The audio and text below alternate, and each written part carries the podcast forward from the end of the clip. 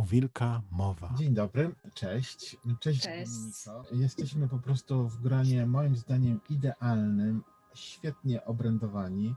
Marcin Wilk, Dominika Słowik i języki zwierząt. nie mogło.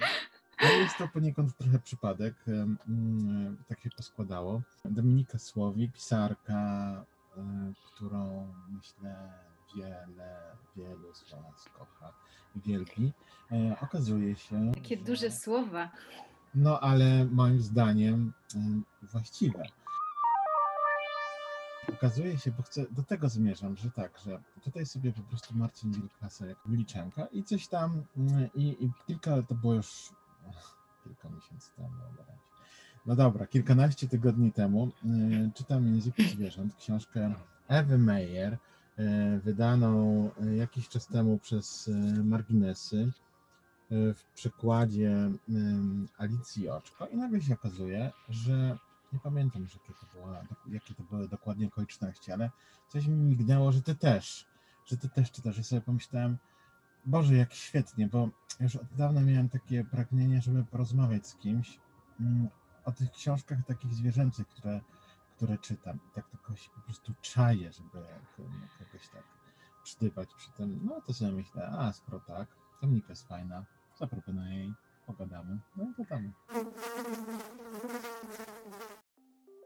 Ale słuchaj, to e, w ogóle zbiegają nam się pragnienia, bo ja e, siedzę w takich książkach już bardzo długo. E, tak, i ba- ba- bardzo mnie też e, zawsze raduje, jak e, widzę Twoje wrzutki e, na tak zwanych storkach na Instagramie i albo widzę lektury, które chcę dopiero przeczytać. Dużo się też od Ciebie dowiaduję e, na temat Mm. tytułów. Ty Fajne zapowiedzi zawsze wrzucasz z tego, z tego co, co, co ma wyjść, z takich właśnie e, około zwierzęcych, ale nie tylko, książek.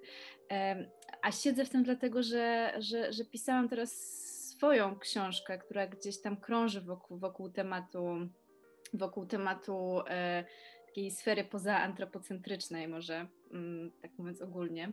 Więc ja też mam w sobie, wiesz, takie pokłady, żeby z kimś to przegadać i, i bardzo mnie cieszy, że e, będę mieć do tego okazję. No, ale, mm, ale to teraz musisz kurczę powiedzieć, co, co, y, co, bo tak, bo tak, ta książka, o której mówisz, to, to jest y, ta książka prozatorska, y, to są opowiadania, mm, tak? E, tak, to są, to, no, to są właściwie opowiadania, e, jakieś takie kró, krótkie prozy. E, I one w zamyśle mm, wszystkie krążą e, bliżej lub dalej e, tematu katastrofy klimatycznej. E, ale tak naprawdę są też e, o, o tym, na ile jest możliwa próba wyjścia poza taki antropocentryczny świat. E, I siłą rzeczy e, ja czytałam bardzo dużo książek, które nie tylko były, nie tylko były o samej katastrofie klimatycznej, ale właśnie takie e, poszerzające koncepcję tego, czym jest inteligencja, czy dlaczego nie tylko ludzie mają język. Jakieś, e, bardzo mi się podoba słowo, którego zresztą używa Ewa Meyer w swojej książce. Ona tam mówi o interpodmiotowości Mhm. i mi, mi, mi, to jest bliskie, bo to chyba tak, tak dobrze określa to, w, w jakim kierunku dążyły te moje lektury. E, I, I to w ogóle było niesamowite. siedziałam zamknięta w pandemii, czytałam to wszystko i pośród nich były, były właśnie też języki zwierząt, które nas sprowokowały do tej rozmowy. E, I czułam się trochę jakbym czytała jakieś takie e, książki science fiction w tym sensie, e, że niezwykłości, o których ja się dowiadywałam, mogły śmiało konkurować z jakimiś książkami Lema czy Strugackich, które ja czytałam w młodości, a nie musiałam się udawać na żadne odległe planety, bo to były sprawy, które dzieją się tuż obok mnie. Ta książka ukaże się jesienią. Tak? Tak, tak. Plan jest taki, e, nawet nie, nie plan. Ma się ukazać jesienią, jesteśmy na dobrej, na dobrej drodze. Właśnie sobie zrobiłam w tym momencie na ten podcast, tak, przerwę od redakcji. Dwa następne teksty czekają e, na mailu. Dostałam je chyba z pół godziny przed naszą rozmową. Ma wyjść we wrześniu.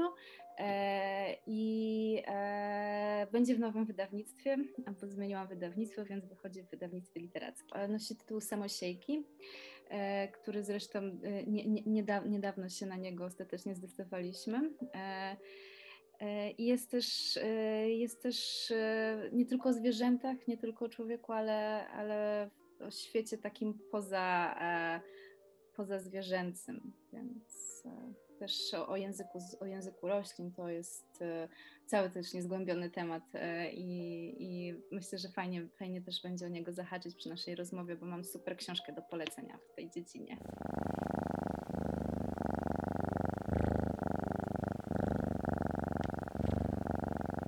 mam takie poczucie, że ten temat e, akurat u mnie się zaczął już e, sporo lat temu i, i ten tom, który teraz napisałam, to jest jakaś finalizacja e, moich przemyśleń, bo rzeczywiście w Zimowli nie tylko to są głosy spoza centrum, ale też jeden, jeden, jedna z części książki nosi tytuł Antropocen i jakimś takim paliwem dla, dla lęków, które, które w książce się pojawiają, jest katastrofa klimatyczna mm, i, i miejscami napisana bardzo wprost, bo są tam takie sceny, który, w których o tym mówię.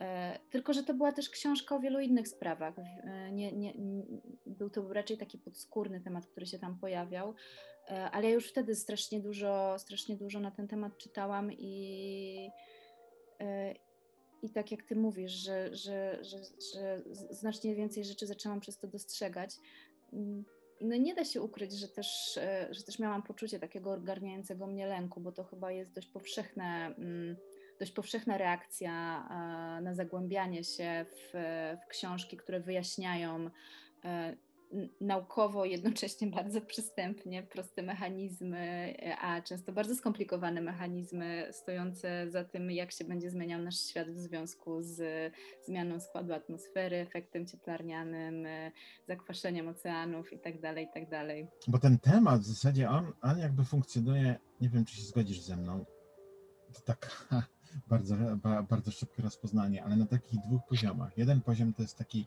poziom powiedzmy mediów, którym mieli się to mm, trochę na zasadzie takiego e, wydarzenia, bo to się dzieje, ale mam wrażenie, że ta dyskusja znaczy, dla mnie jest mało satysfakcjonująca. Mam, mam, mam takie poczucie, że, że trwa jakby negocjacja, to znaczy, że, że media trochę odbijają rzeczywistość, w której um, część osób po prostu, um, mówiąc kolokwialnie, nie wierzy, że, że że, że zmiany klimatyczne są e, faktem i że to jest jakaś taka chwilowa moda.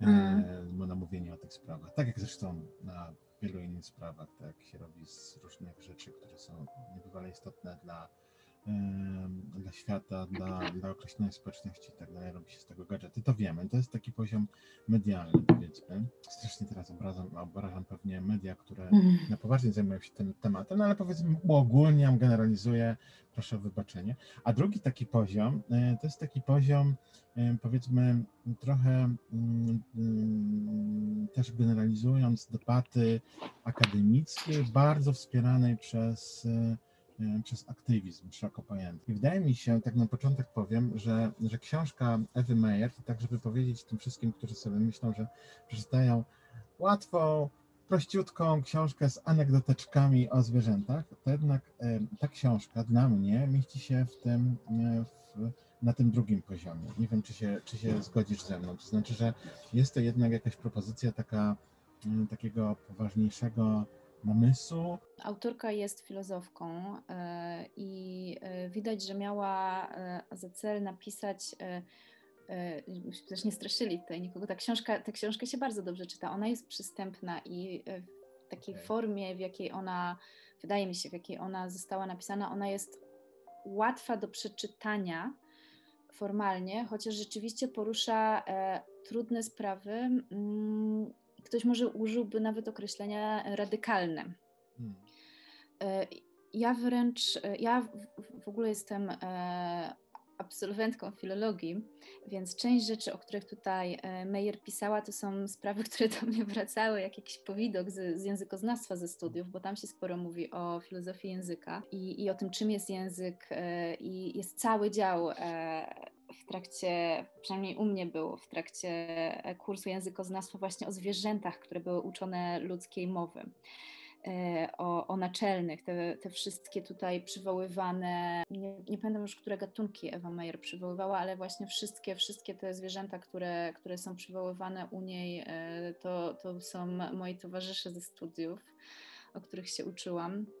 E, I rzeczywiście ona rzuciła dla mnie takie światło na to, mm,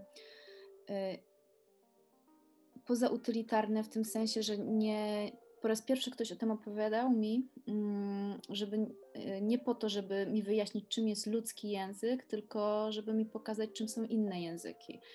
E, no bo w trakcie, w trakcie takiej debaty językoznawczej tradycyjnej raczej zwierzęta są pretekstem do tego, żeby tłumaczyć e, mowę ludzką i, i tym, tym, tym to, to, to, to, czym ona jest w gruncie rzeczy. Stanowią taki punkt odniesienia porównawczy.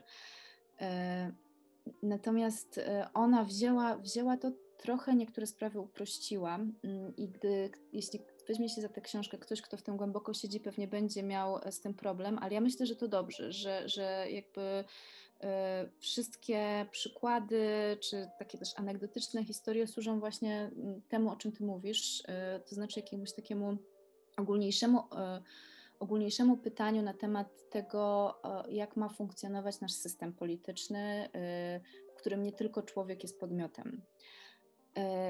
I na mnie rzeczywiście największe wrażenie zrobił, zrobił y, ostatni rozdział, gdzie ona po, po różnej analizie tego, czym jest inteligencja, takiej też bardzo konkretnych przykładach, przy, przy, przykładach związanych z tym, czym jest de facto język i dlaczego możemy mówić o języku zwierząt. E, ona mm, postuluje e, e, polityczne przedstawicielstwo zwierząt. I to brzmi po prostu jak jakaś odklejona idea, jeśli się to, jeśli się to wyciągnie z kontekstu, ale uważam, że to jest naprawdę świetna taktyka na przesunięcie granicy dyskursu i, i granicy debaty na temat tego, E, jak e, powinniśmy postrzegać prawa zwierząt, e, jak powinniśmy brać, pod uwagę ich potrzeby i na mnie, na mnie chyba to zrobiło największe wrażenie i mam, wrażenie, i mam też poczucie, że, że, że, że wiele osób się może zatrzymać na tym rozdziale i sobie pomyśleć, że to jest jakaś taka fantasmagoryczna utopia, ale wydaje mi się, że to jest największa wartość tej książki, że ona, że ona tam formułuje tak, takie, takie postulaty. Słychać odgłos miasta i psa, dlatego się trochę wyciszyłem, e, ale to dlatego, że są wakacje i są remonty i to jest dobry czas, e, mm, za co z góry przepraszam. Ale ja się, e, wracając do, do, do meritum, ja się totalnie z Tobą zgadzam. Też zrobił na mnie ogromne wrażenie ten rozdział ostatni przypomniał mi, czy raczej teraz sobie też przypominam o nim w kontekście książki, którą czytam E, dosyć długo. E, to jest a propos tych Insta Stories. E, teraz czytam taką książkę Zoopolis, Historia polityczna praw zwierząt z Sue Donaldson i drugi, drugi autor to Welkim Licka. I tam są wyłożone te argumenty rozpisane, o których, do, do, do których między innymi się odwołuje Ewa, Ewa Meyer z takiej perspektywy teorii E, teorii politycznej praw, praw zwierząt. E, ale mm, to, na czym się skupia przez całą książkę e, autorka, i tutaj faktycznie jest takie filozoficzne podejście, ale powiedziałbym też bardzo dużo czerpie, i to jest takie świetne czasem momentami, bo się pojawiają te tak zwane anegdoty, czerpie dużo z doświadczenia i z takich, z takich osobistych przygód czy, czy, czy, czy, czy relacji. I, I świetne są w dwa pierwsze zdania jeszcze z słowa Smithiego. One brzmią, jeśli masz szczęście, możesz spotkać zwierzę, które zechce z tobą porozmawiać. Jeśli masz jeszcze więcej szczęścia, spotkasz zwierzę, które poświęci czas i zada sobie trud poznania ciebie.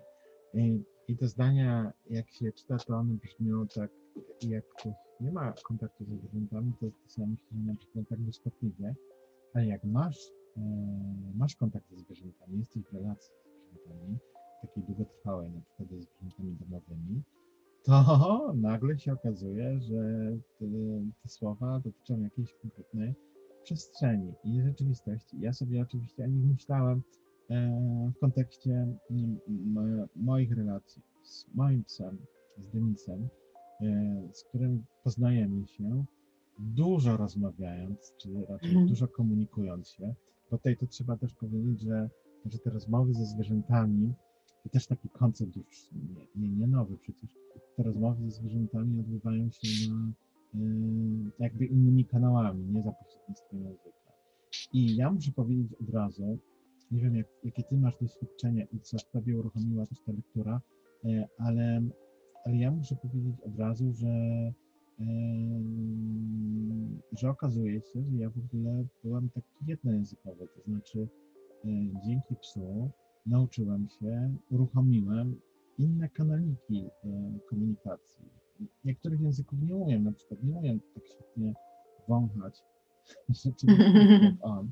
Dla niego wyjście na, e, na spacer do jakiejś nowej przestrzeni to jest cały czas permanentne odczytywanie informacji zawartych gdzieś tam rozmaitych zapachach pozostawionych po drodze. To tego nie umiem. Podobno psy mają tutaj bardzo ogromne możliwości i potrafią wiele szczegółowych informacji wyczytywać z zapachu, ale, ale, ale i inne rzeczy nauczyłem się. Nauczyłem się takiego na przykład skupiania się na, na teraźniejszości, mniejszego w gruncie rzeczy rozproszenia mówię o tym z takim wahaniem, bo niestety muszę powiedzieć, że mój pies się też nauczył wiele ode mnie, bo to sobie. I on teraz też trochę się zachowuje jak ja, bo e, kopiuje moje zachowanie. Że co kopiuje? Emocjonalne. Wiesz co, no na przykład potrafi być taki rozedrgany często, albo zdenerwowany. On był naprawdę takim, jak był, jak był maluszkiem, to był taki spokojny, skupiony na zabawie, na sobie, no taki pies w swoim świecie. teraz, od, od, sprzedałeś mu Weltschmerz. Troszkę tak, muszę powiedzieć, że troszkę tak. I teraz po prostu e, e, no i teraz e, i teraz robi się dziwnie. E, czasem, ale, ale on działa Generalnie szarp, szarpie wami niepokój egzystencjonalny. No tak, ale wiesz co, też jest pewne sprowadzenie do niepokoju egzystencjonalnego. Tam też jest dużo radości, on potrafi się entuzjazmować. Dowiedziałem się zresztą, ale to nie z książki, y, nie z książki Ewy Mayer, ale z książki innej specjalistki zwierząt Jolanty Antas, y, że śmiech na przykład, ten tak zwany uśmiech u psa, widujesz go czasem, mhm. E, to on jest właśnie kopią pewnego zachowania, jakby takiego udomowienia, czy, czy uczłowieczenia, dlatego że, że psy e, kopiują ten śmiech z ludzi. No taka, e, te, taka koncepcja. W każdym razie, te moje doświadczenia, ta, ta książka, może w ten sposób, wobec tych moich doświadczeń, ona, ona pozwoliła nadać jak, jakąś, taką, mm, jakąś taką ramę temu, temu, co myślałem, ale co miałem niewyrażone. I też przyjrzeć się jeszcze raz y, moim relacjom z, z, z moim psem. A ty tak, ty tak miałeś, bo ty masz, ty masz, ty też masz domowe zwierzaki, ale to jest nieco inny gatunek. Ja mieszkałam od roku. E, teraz e, jakoś na początku czerwca minął rok. E, mieszkam z kotem Guciem i kotem Lucjanem. E, którzy są też zwani w warunkach domowych. Nie wiem, nie wiem czy powinnam to, to ujawniać, żeby tutaj nie mieli do mnie pretensji, że ich uśmieszam, ale pierwszy jest zwany także guciołkiem, puciołkiem, a drugi jest zwany ciampuchem, pompuchem. E, I e, rzeczywiście te dwa pierwsze zdania są dla mnie strasznie rozczulające. One mnie po prostu wzruszają, bo przez ten rok my jesteśmy codziennie w szoku, jak bardzo e, koty chcą się z nami komunikować. E, mają różne, różne e, strategie.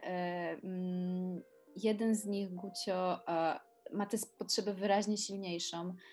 I czasami widzimy, że on strasznie chce nam coś przekazać, i czasami tego nie rozumiemy, ale on jest tak, tak w tym uparty i zawzięty, że naprawdę nie wiem, mieszkając z nimi nie mam wątpliwości e, co do tego, że mają skomplikowane życie wewnętrzne, e, swoje upodobania, e, rzeczy, których nie lubią, całkiem niezłą pamięć. I jakoś też tak chce mi się śmiać trochę też teraz z tego, co mówię o tym rozdziale, bo my tak trochę my tak trochę żyjemy, że, że, że negocjujemy z nimi różne rzeczy. Bo jak się już, jak się już doceni tę całą osobowość, niezależność i nie taką niezależność stereotypową, że kot jest niezależny, bo nasze koty o tym nie słyszały, one uwielbiają rzeczy robić z nami, a nie same. Ale jak się, jak się weźmie to pod uwagę, to, to nie, nie ma, człowiek nie ma serca zmuszać do czegoś zwierzęcia, czego on nie chce robić, chyba że to wiadomo, no, pomijam aspekty wizytu weterynarza i tak dalej, ale nie wiem, mam, mam, mam wrażenie, że, że ta relacja się staje znacznie bardziej partnerska siłą rzeczy. I my rzeczywiście wytworzyliśmy e, wspólny język z, z naszymi kotami. E, ja się, i jest trochę śmiesznie, bo tak się podzieliliśmy. Ja się trochę do, dogaduję lepiej z Lucjanem, a mój chłopak się trochę do, lepiej dogaduje z Guciem. I e, na przykład Gucio jest strasznie aktywnym kotem. Jak, jak się do nas wprowadzili, to ja chyba po miesiącu googlowałam pytanie, czy kot może mieć ADHD, bo wydaje mi się, że Gustaw ma. E, I on naprawdę potrzebuje mieć cały czas jakieś zajęcie, nudzi się szybko. E, jak, jak jest ładna pogoda, otworzymy mu balkon, to, to mm, na tym balkonie e, pożytkuje sporo energii, ale e, kiedy jest, kiedy jest brzydko siedzieć w mieszkaniu, to po prostu on się domaga, żeby, żeby mu towarzyszyć w różnych aktywnościach co jakiś czas. E, I wytworzyli sobie właśnie z moim chłopakiem taki zestaw sygnałów, że on do niego podchodzi, wspina się, pokazuje łapką do góry i to na przykład znaczy, że on chce być obnoszony na taborecie po mieszkaniu. Jakkolwiek by to nie nie brzmiało dziwnie. On po prostu wskakuje na taboret i e, chłopak go nosi, mu pokazuje różne rzeczy z góry i on ma do niego zupełne zaufanie, wiesz, ten taboret jest niestabilny e, i na przykład nasz drugi kot w ogóle tego nigdy nie zrobi, bo on się boi wskoczyć na taki niestabilny taboret, a Gucie po prostu uważa to za doskonałą zabawę. Potrafią nam pokazywać, jakie zabawki by chcieli dostać. E, mamy też takie poczucie, że w nas się wykształcił jakiś inny aparat trochę odbioru, który wydaje mi się jest bardziej intuicyjny, w tym sensie, że nie potrafię nazwać o co chodzi, ale ja, roz, ja rozróżniam miałknięcia. E, pamiętam, że zanim jeszcze oni się do nas wprowadzili, to oglądaliśmy jakiś taki stary dokument e, o e, szalonych kocich opiekunkach, e, chyba z Kanady. To był jakiś dokument z lat 80., który był strasznie dziwny i tam pani e, w ogóle imitowała miałknięcia swoich kotów, żeby pokazać, jak one dziwnie mówią. Ja się z tego strasznie śmiałam, ale rzeczywiście tak jest, że ja nigdy nie pomylę tego, który kot miałczy, bo mają zupełnie inne głosy, miałczą w inny sposób. I jestem w stanie w miarę zorientować się, o co im chodzi po tych miałknięciach, jeśli proszą o znane rzeczy na przykład e, e, kot Lucjan, e, który jest mniej aktywny, bo głównie kocha spać i jeść, ma jedną ulubioną zabawkę, to są tak zwane patysie, znaczy takie patyczki matatabi chyba się nazywają. Bardzo w ogóle polecam. Jeśli ktoś ma kotka, to te patyki są super. One mają jakąś taką substancję, która koty, koty bardzo raduje. Jakaś taka alternatywa dla kociej miętki i też czyszczą zęby więc wszystko w ogóle w pakiecie. E, I Lucjan strasznie lubi te patyczki. On, on się ich domaga w takim jakimś charakterystycznym miałknięciem, że, że ja wiem, że on chce te patyczki. Nie potrafię tego wytłumaczyć, ale e, no, wydaje mi się, że po prostu jakoś tam rozróżniam te, te, e, te, te rejestry, które, na które on wtedy wchodzi. Więc rzeczywiście mm, takie mam, takie mam poczucie, że, że, że my dużo rozmawiamy i też mm, ja spędzam mnóstwo czasu marnując, marnując go w social mediach i na przykład oglądam TikToka. Na TikToku jest cały dział zwierząt, które mają takie specjalne guziki do mówienia. E, nie wiem, czy to widziałeś. No, tak, oczywiście, że tak, tak. Psy komunikują, czy, e, czy chcą na przykład jeść, czy spać, ja to widziałem w odniesieniu do psów. Ale co ty w ogóle o tym sądzisz? Mi się wydaje, że to, e, my tak sobie o tym myślimy w ogóle, czy nie kupić takich właśnie guzików dla, dla Gucia, bo mm, wydaje mi się, że dla niego mogłoby być to mm, w pewnym sensie mniej frustrujące, bo czasami on coś chce nam bardzo przekazać, a my nie załapiemy co. E, a wiesz, on ma tę potrzebę komunikacji silną i wydaje mi się, że takie desygnaty na proste rzeczy, że ulubiona zabawka, e, też te, e, ja, ja, ja, oglądam i psy i koty. I koty na przykład, mogę Ci nawet podesłać takiego jednego, którego bardzo lubię, który, tu widać, że nie, nie, nie wszystkie zwierzęta jakby mają chęć, żeby to robić. No właśnie, tak, nie wszystkie to interesuje. Tak, tak.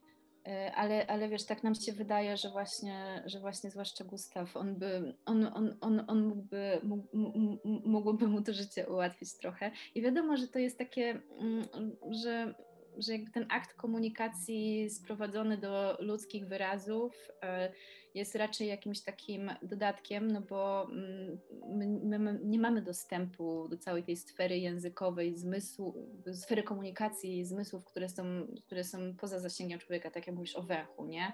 E, to tak samo, e, nie wiem, u kotów węch też jest ważny, ale mowa ciała, której ja nie jestem w stanie imitować, bo nie mam ogona, a, a ogon jest super istotny i na przykład to też, o, to też jest coś, czego ja się nauczyłam i mam taką teorię w ogóle, że, e, że ludzie, bo to jest bardzo często, że ludzie nie lubią kotów, bo uważają, że koty są jakieś nieprzewidywalne, nie wiadomo co zrobią, ktoś ma złe doświadczenie, bo kot go podrapał czy pogryzł. E, a ja mam taką teorię, że ludzie, że jednak e, mowa ciała psów jest bardziej spopularyzowana w naszej kulturze, więcej z niej rozumiemy, Oczywiście wiadomo, że są takie rzeczy, które, które błędnie się powszechnie odczytuje, jak na przykład tam, nie wiem, oblizywanie e, warg przez psa, czy ziewanie, które może być oznaką jakiegoś e, zdenerwowania, czy, czy, czy stresu, czy lęku, więc to, to, nie jest tak, że, że doskonale rozumiemy psy, ale mam wrażenie, że takie znaki, jakieś e, interpretacje tego, jak, jak się czuje pies z konkretnymi, który pokazuje konkretne ruchy ogonem i tak dalej, że to, że to jest jakoś tak lepiej przy, przyswojone w, naszy, w naszej kulturze.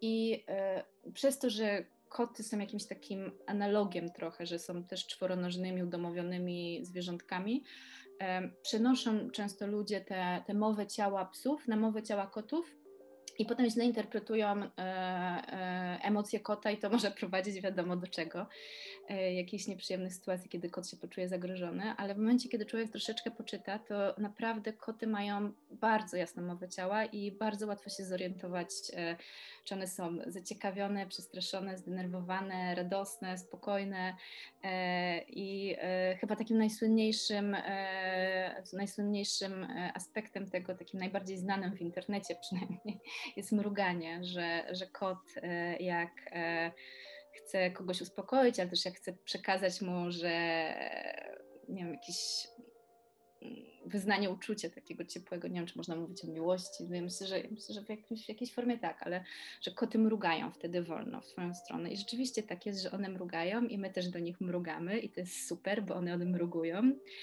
i, i w ogóle strasznie się z tego chciało śmiać, jak ten język wszedł na moją rzeczywistość w pewnym momencie, bo, to mruganie się dla nas stało naturalne, jakby mm. funkcjonuje to na co dzień i kiedy zaczęliśmy chodzić w maskach, i nie dało się uśmiechnąć, to ja czasem mrugałam tak wolno do ludzi automatycznie, zanim się złapałam, że to, że to nie ma sensu.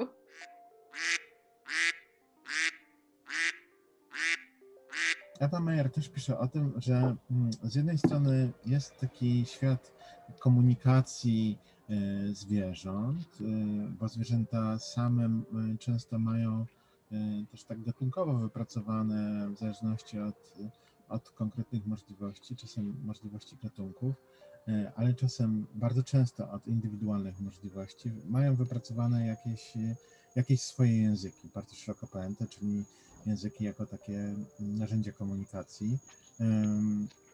Ale z drugiej strony, i to też jest strasznie ciekawe, fascynujące, to zwłaszcza e, w odniesieniu do E, do relacji z, między ludźmi a zwierzętami domowymi, czyli tak naprawdę relacji, które dotyczą e, przygniatającej większości nas. Myślę, że spokojnie można mówić o większości, zwłaszcza jak się mówi do ludzi czytających, piszących i wrażliwych. E, to jest ta komunikacja międzygatunkowa, w której chyba dużą rolę odgrywa taka wzajemna negocjacyjność znaczeń jakichś, to znaczy to, że ty demaskujesz, nomen omen, e, e, to, to, to mrużenie kocie, ale też e, kot potrafi tak dać znać, w którym momencie pozwala się wziąć na to, bo pozwala się. On, on żąda, on żąda. Okej, żąda, w tym momencie żąda, żeby został e, Kulewicz wzięty na taboret. Swoją drogą, ja, mm, ja też, ja, ja byłem przez wiele lata kot team, bo moja, moja rodzina, moja mama była bardzo za kotami i zawsze to koty były.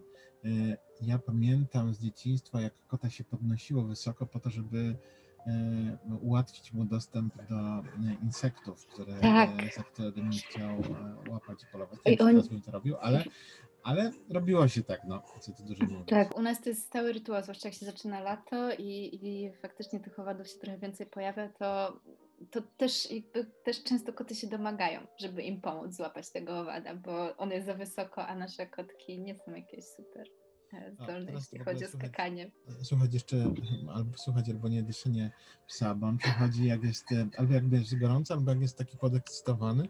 I teraz bardzo się cieszy, że rozmawiamy, bo on czuje, że w ogóle jest taka rozmowa, w której jego tatuś jest jakoś tak podekscytowany pozytywnie, on tutaj siedzi, jest zadowolony, więc to jest komunikat, że super, e, super, że fajnie się czujesz, jestem z tobą. E, Mój pies bardzo też jest w takiej e, emocjonalnej mną.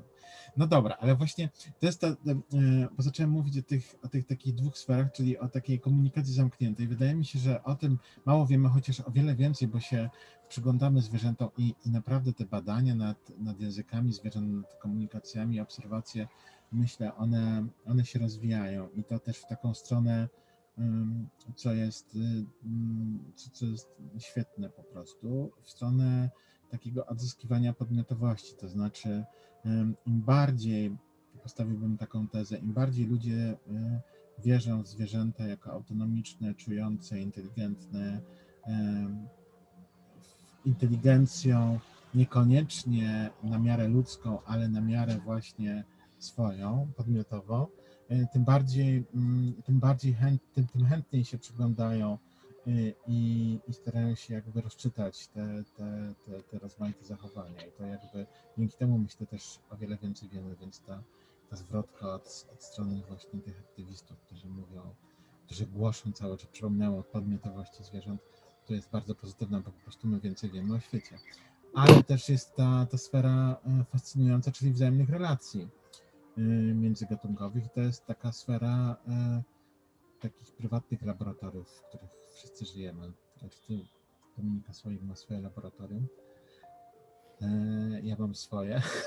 No, właśnie, właśnie się pojawił kot Gustaw tutaj, więc A, to było stuknięcie mm, e, od Gustawa. Dobrze, no wspaniale. Mm, Pozdrawiamy.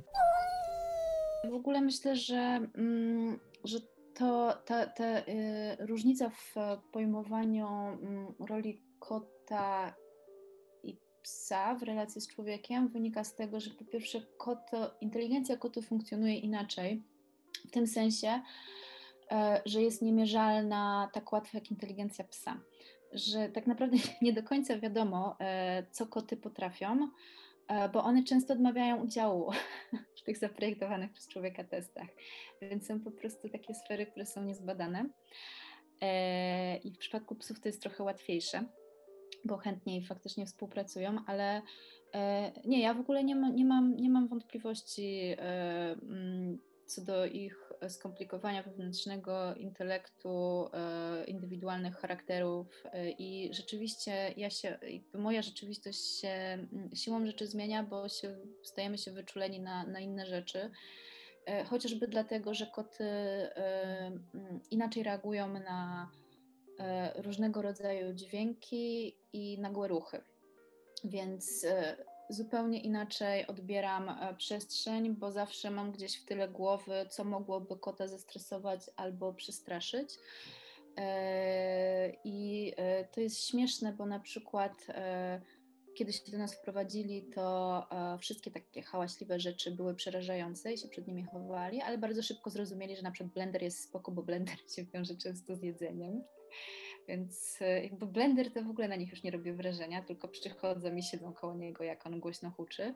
A na przykład do dzisiaj niestety nie, nie weszli w komitywę z odkurzaczem, bo nie wiadomo właściwie po co my to robimy, że jeździmy takim huczącym przedmiotem, jeszcze tak e, wiesz, przesuwamy po ziemi, jakbyśmy chcieli te biedne kotki zahaczyć i je zestresować, więc na przykład odkurzacz to jest w ogóle jakaś najstraszniejsza rzecz i my z nimi wypracowaliśmy też taki, taki sposób komunikacji, że my, my im pokazujemy, nie, nie, nie bierzemy ich z zaskoczenia, że nagle wjeżdża ten odkurzacz, tylko pokazujemy im, że jest odkurzacz i mówimy, idźcie sobie teraz do drugiego pokoju. I one wtedy, wiem, że to brzmi trochę śmiesznie, ale tak funkcjonuje. One widząc, że, widząc, że ten odkurzacz e, się pojawia i, i słysząc nasze głosy, że my pokazujemy kierunek, to oni faktycznie idą do pomieszczenia, w którym będzie cicho i spokojnie i potem jak to pomieszczenie trzeba odkurzać, to się znowu następuje ten sam rytuał, oni przechodzą do kolejnego pomieszczenia, gdzie sobie spokojnie czekają.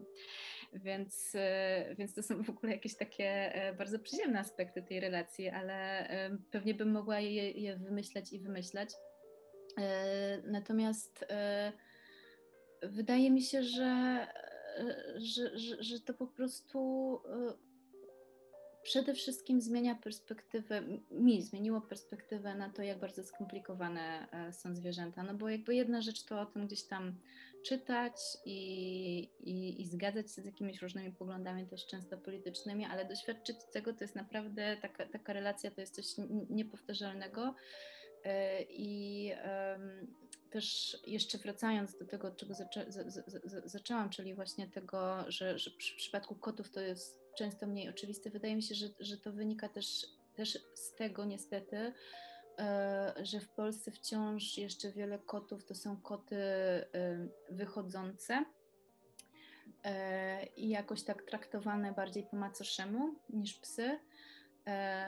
Wydaje mi się, że to się zmienia, ale bo, bo, pamiętam, że 20 lat temu, czy 30 lat, może 30 lat temu bardziej, takie wypuszczanie luzem psa zwłaszcza w mniejszych miejscowościach, e, to w ogóle nie było nic niezwykłego, że te psy biegały sobie luzem, a teraz kto by tak puścił psa samopas, nie?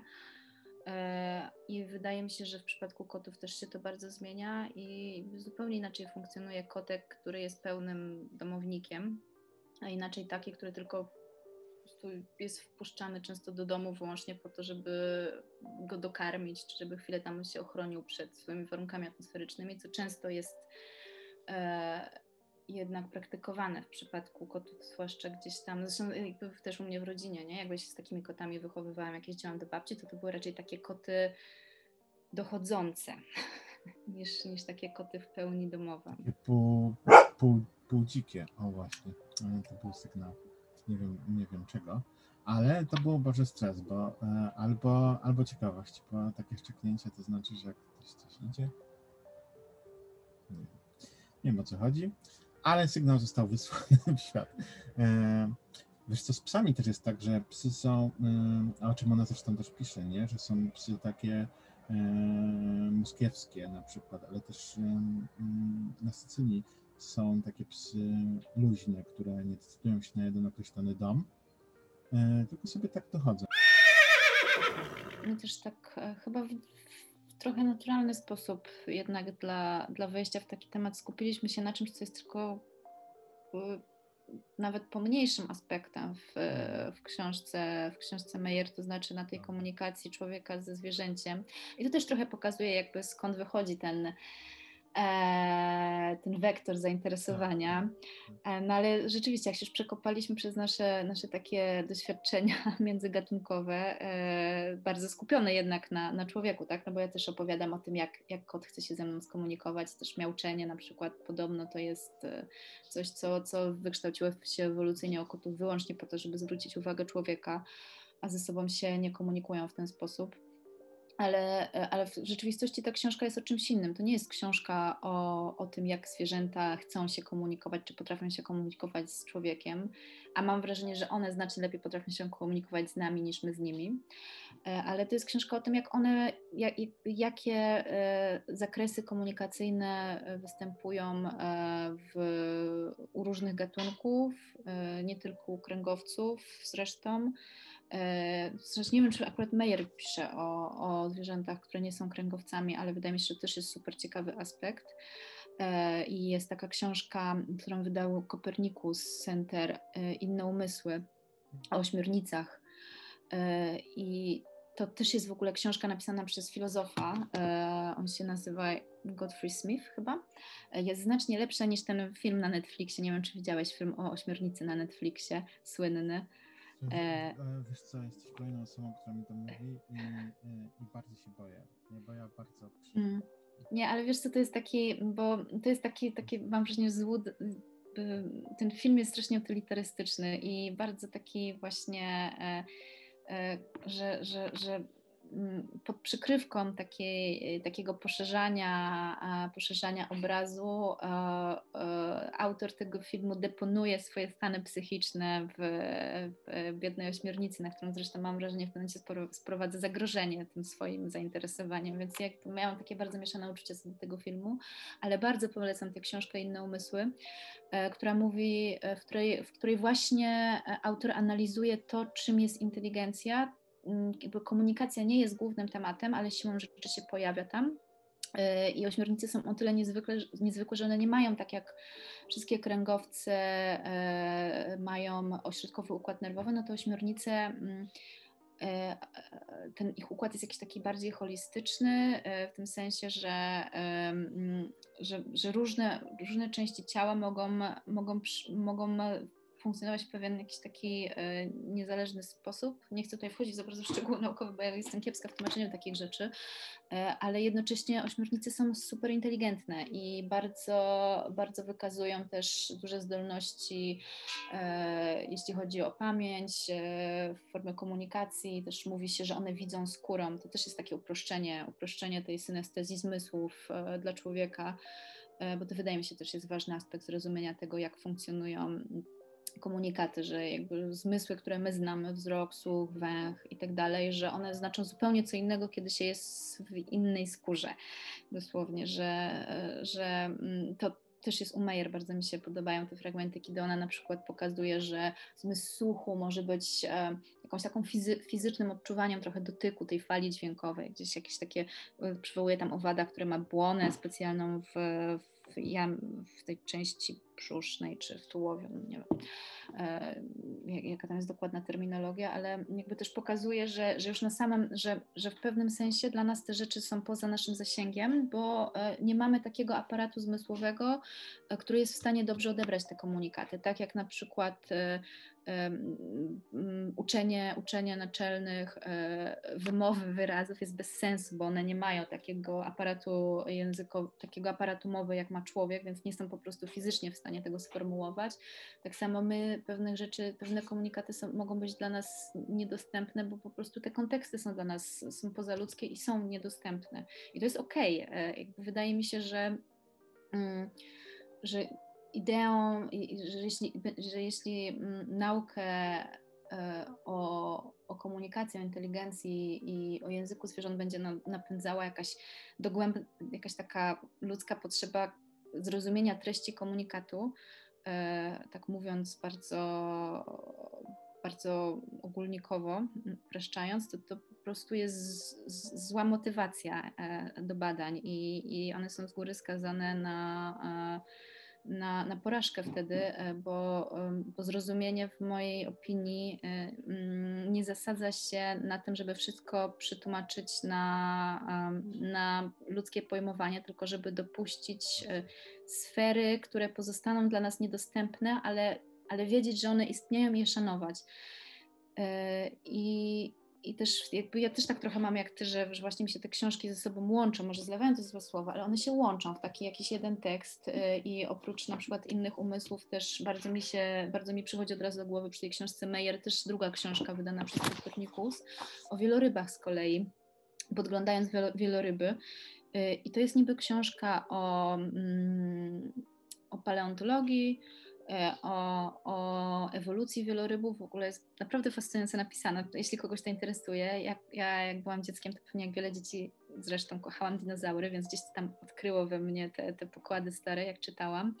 E, ale jest też e, końcowy rozdział, który mówi właśnie o komunikacji wielorybów, o waleni, nie tylko wielorybów, ale waleni generalnie i na przykład o tym, że walenie mają swoje kultury e, swoje kultury, które mm, można, my nie wiemy o czym one, one, one rozmawiają, ponieważ te zakresy dźwiękowe nie wszystkie są dla nas e, w ogóle nawet dostępne, a nie mamy, nie mamy możliwości, żeby to rozszyfrować. Natomiast badacze nie mają wątpliwości, że to są różnego rodzaju komunikaty i mogą, mogą być o wszystkim. I na przykład poszczególne grupy waleni z tego samego gatunku, z różnych obszarów, e, mają e, różne dialekty, różne języki, nie wiem jak to nazwać, ale po prostu nie porozumiewają się w ten sam sposób, mają swoją własną mowę i nie dogadają się między sobą, bo to są różne, różne obszary kulturowe i na przykład w momencie, kiedy tam w XIX wieku yy,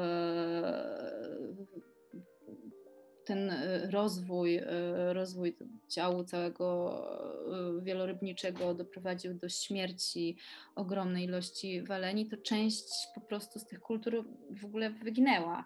Nie, nie, nie, ma, nie ma już tych języków, które, tego bogactwa językowego, które było wcześniej, po prostu część przypadła, została, zostało dokonane nie wiem, ekobójstwo, zabójstwo więc, e, więc to w ogóle też wydaje mi się, że to jest fajne, że te książki się układają w taki, w taki duży obraz i też marginesy ostatnio wydały coś, czego jeszcze nie skończyłam czytać, ale na pewno kojarzysz krajobrazy strachu e, Adama z Byryta.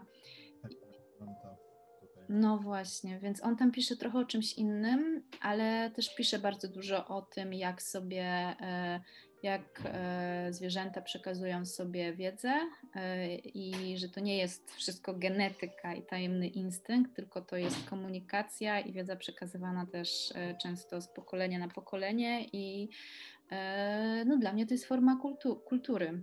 Oczywiście. No i też um, wydaje mi się, że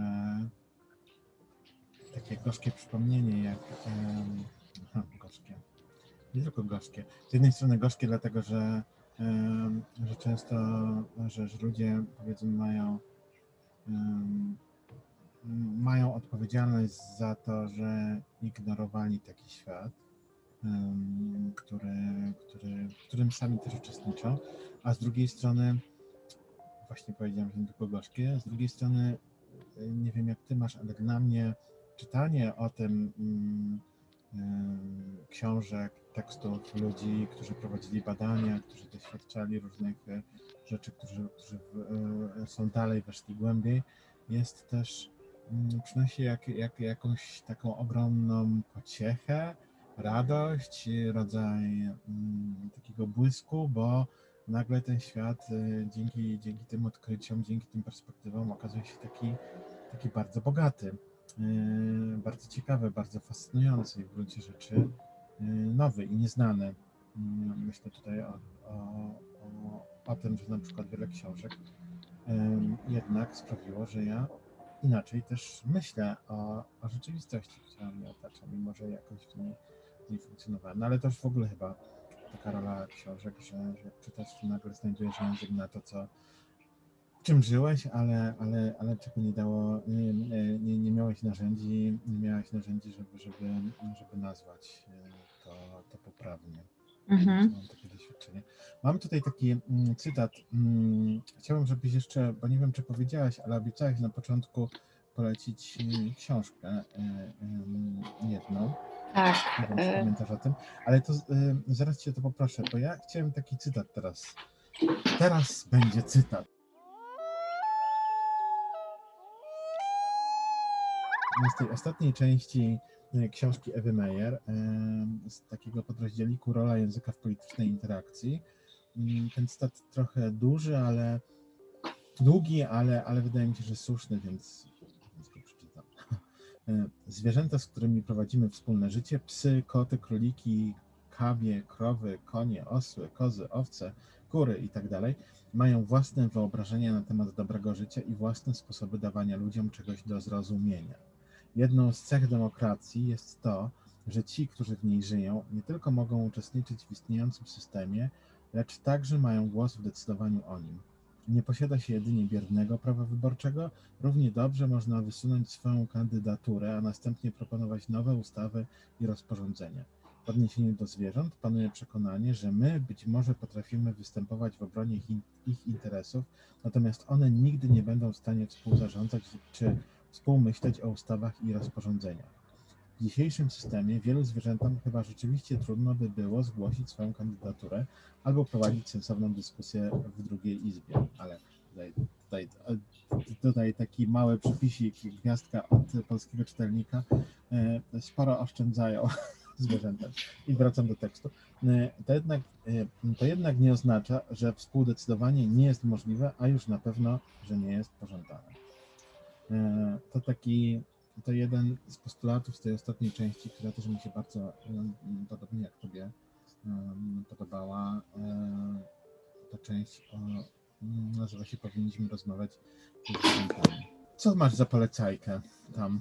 Ja w ogóle chciałam powiedzieć właśnie, że to jest ten cytat, e, kiedy mówiłam o, o tym rozdziale, że on na mnie wrażenie, to jest właśnie ten fragment tego rozdziału, który bardzo tak, tak najpierw mnie najpierw mnie zaskoczył i wywołał we mnie niepokój, ale w gruncie rzeczy e, to jest chyba właśnie naj, największa wartość tej książki, ten fragment, który przeczytałeś, że, że, że, ona, że ona nie boi się powiedzieć to na głos, e, mimo że wiadomo, mm, mm, że, że, że takie stwierdzenie wywołuje natychmiast e, bardzo wiele reakcji i, i jest w jakimś sensie kontrowersyjne, chociaż strasznie nie lubię tego słowa. Natomiast moja polecajka to jest polecajka o roślinach. E, bo, bo rzeczywiście to, o czym mówisz, e, ja też mam takie poczucie, że, że dzięki, że dzięki mm, zdobywaniu tej wiedzy e, świat się bardzo poszerza, że przestaje być jakimś takim kartezjuszowskim, wiesz, bytem pełnych jakichś nakręconych mechanizmów, a staje się, staje się takim wieloświatem, gdzie wszystko wokół nas się ze sobą komunikuje. I to nie jest, i to nie jest jakaś tam E, teoria, tylko potwierdzone naukowymi badaniami naukowymi e, fakty. I można to, można się kłócić o definicję języka, ale komunikacja ciągle zachodzi. I e, najbardziej fascynujący dla mnie był moment, kiedy ja weszłam w, w książki opisujące komunikację roślin, bo to jest coś, co rzeczywiście miałam tak zinternalizowane mm, nie, nie uświadamiałam sobie tego, ale traktowałam trochę rośliny jak takie e, byty bardziej zbliżone do przedmiotów e, niż do zwierząt. E, nieruchome, mm, w chronologii często rozciągnięte, takiej bardzo długiej, więc przez to trudniejsze. Znaczy, wiadomo, to, to nie jest reguła, myśląc, myśląc głównie o, o, drzewach, ale, ale ta długa chronologia często e, powoduje, że, że też w ogóle one są poza jakimiś takimi kategoriami porównawczymi dla mnie, ale też powolność ruchu e, sprawia, że, że, że, że przypisuje się im mm, niesłuszną statyczność, no bo to, że one na ogół tkwią w jednym miejscu, nie znaczy, że się nie poruszają.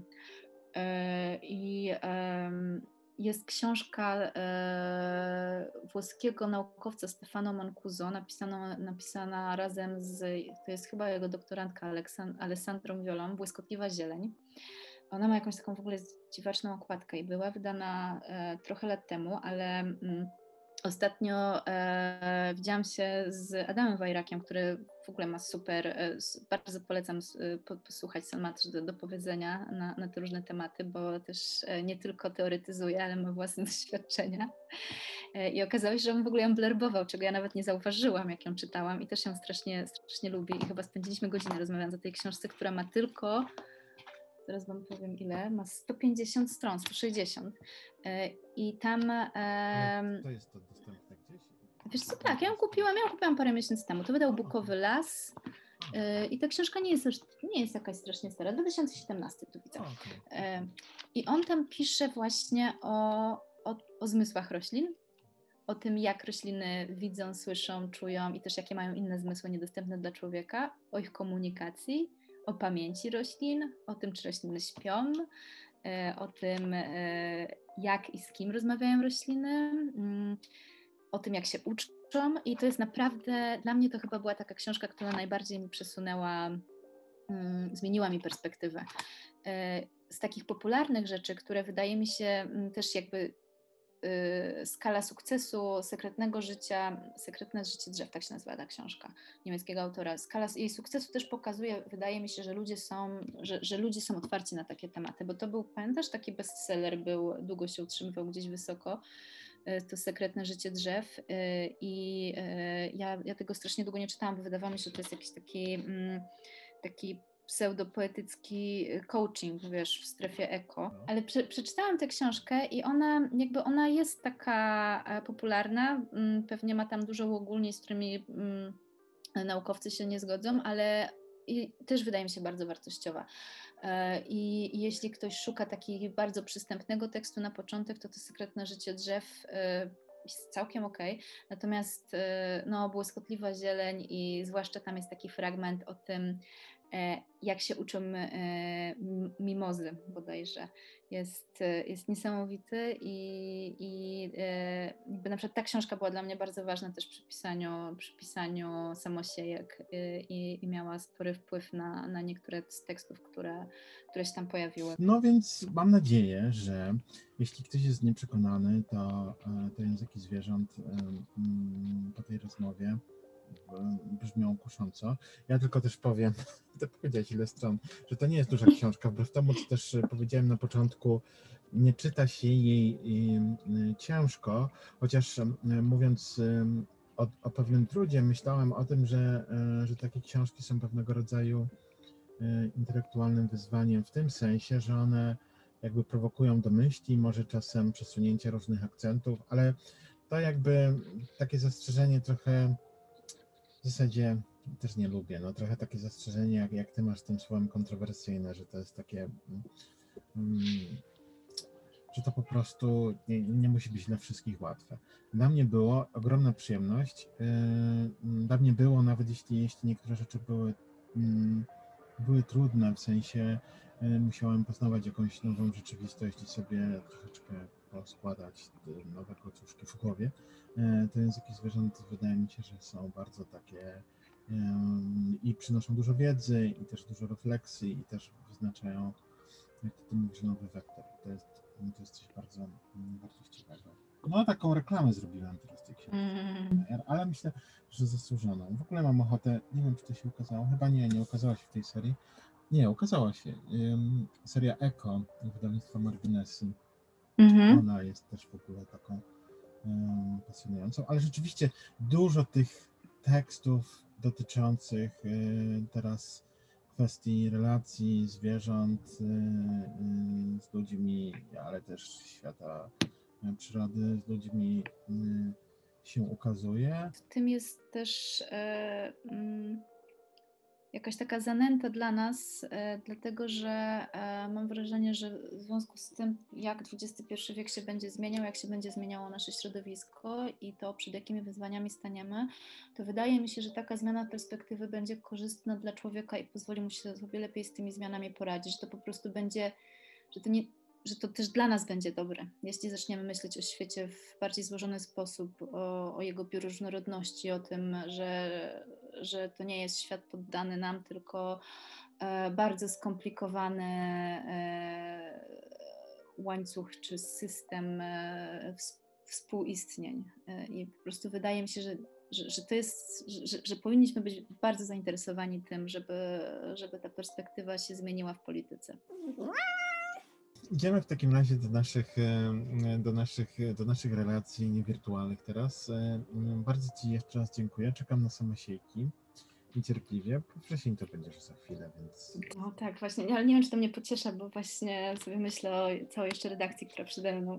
Będzie dobrze, jestem pewien. Później jeszcze Cię czeka promocja. To dopiero jest przygoda. No, ale powiem Ci, mogę Ci jeszcze zdradzić, że, że jeśli nic nie wydarzy się dziwnego około pandemicznego, to w październiku e, wylatuje z Polski, więc wszystko we wrześniu, a potem już... A, wiem, no bo dostałaś stypendium. Tak, tak, tak. Jeszcze, o, jeszcze się zdążę pochwalić, dziękuję bardzo, ale tak, więc, więc to będzie taka nietypo, nietypowa promocja, wszystko skumulowane w miesiące, później... Gdzie jedziesz i, do, i na ile, e, lecę na dwa miesiące do Iowa City na uniwersytet, tak, e, tam na kampus. Nie chcę tego, nie chcę tego. Nie, ale to świetnie, bo będziesz miała warunki do, do pracy też. To jest bardzo ważne. Żeby Tak, tak, tak, na to, na to liczę. Że, spotykać i w ogóle. Nie no, wspaniale. Bardzo się cieszę, ale zasługujesz absolutnie. E, Dziękuję ci bardzo. Wyślesz e, pocztówkę albo, albo, jakieś, inne- albo jakieś inne wiadomości. tak zrobię. Na razie, na razie jeszcze troszeczkę pracy czeka, ale też wakacje. Pamiętamy o tym, żeby wypoczywać, spacerować yy, i no właśnie. I nie róbcie już remontów na wakacje, już na urlop pojedźcie. Dobra, to idziemy na urlop. Dzięki Dominika. Dzięki, trzymaj dzięki się. Wam za słuchanie.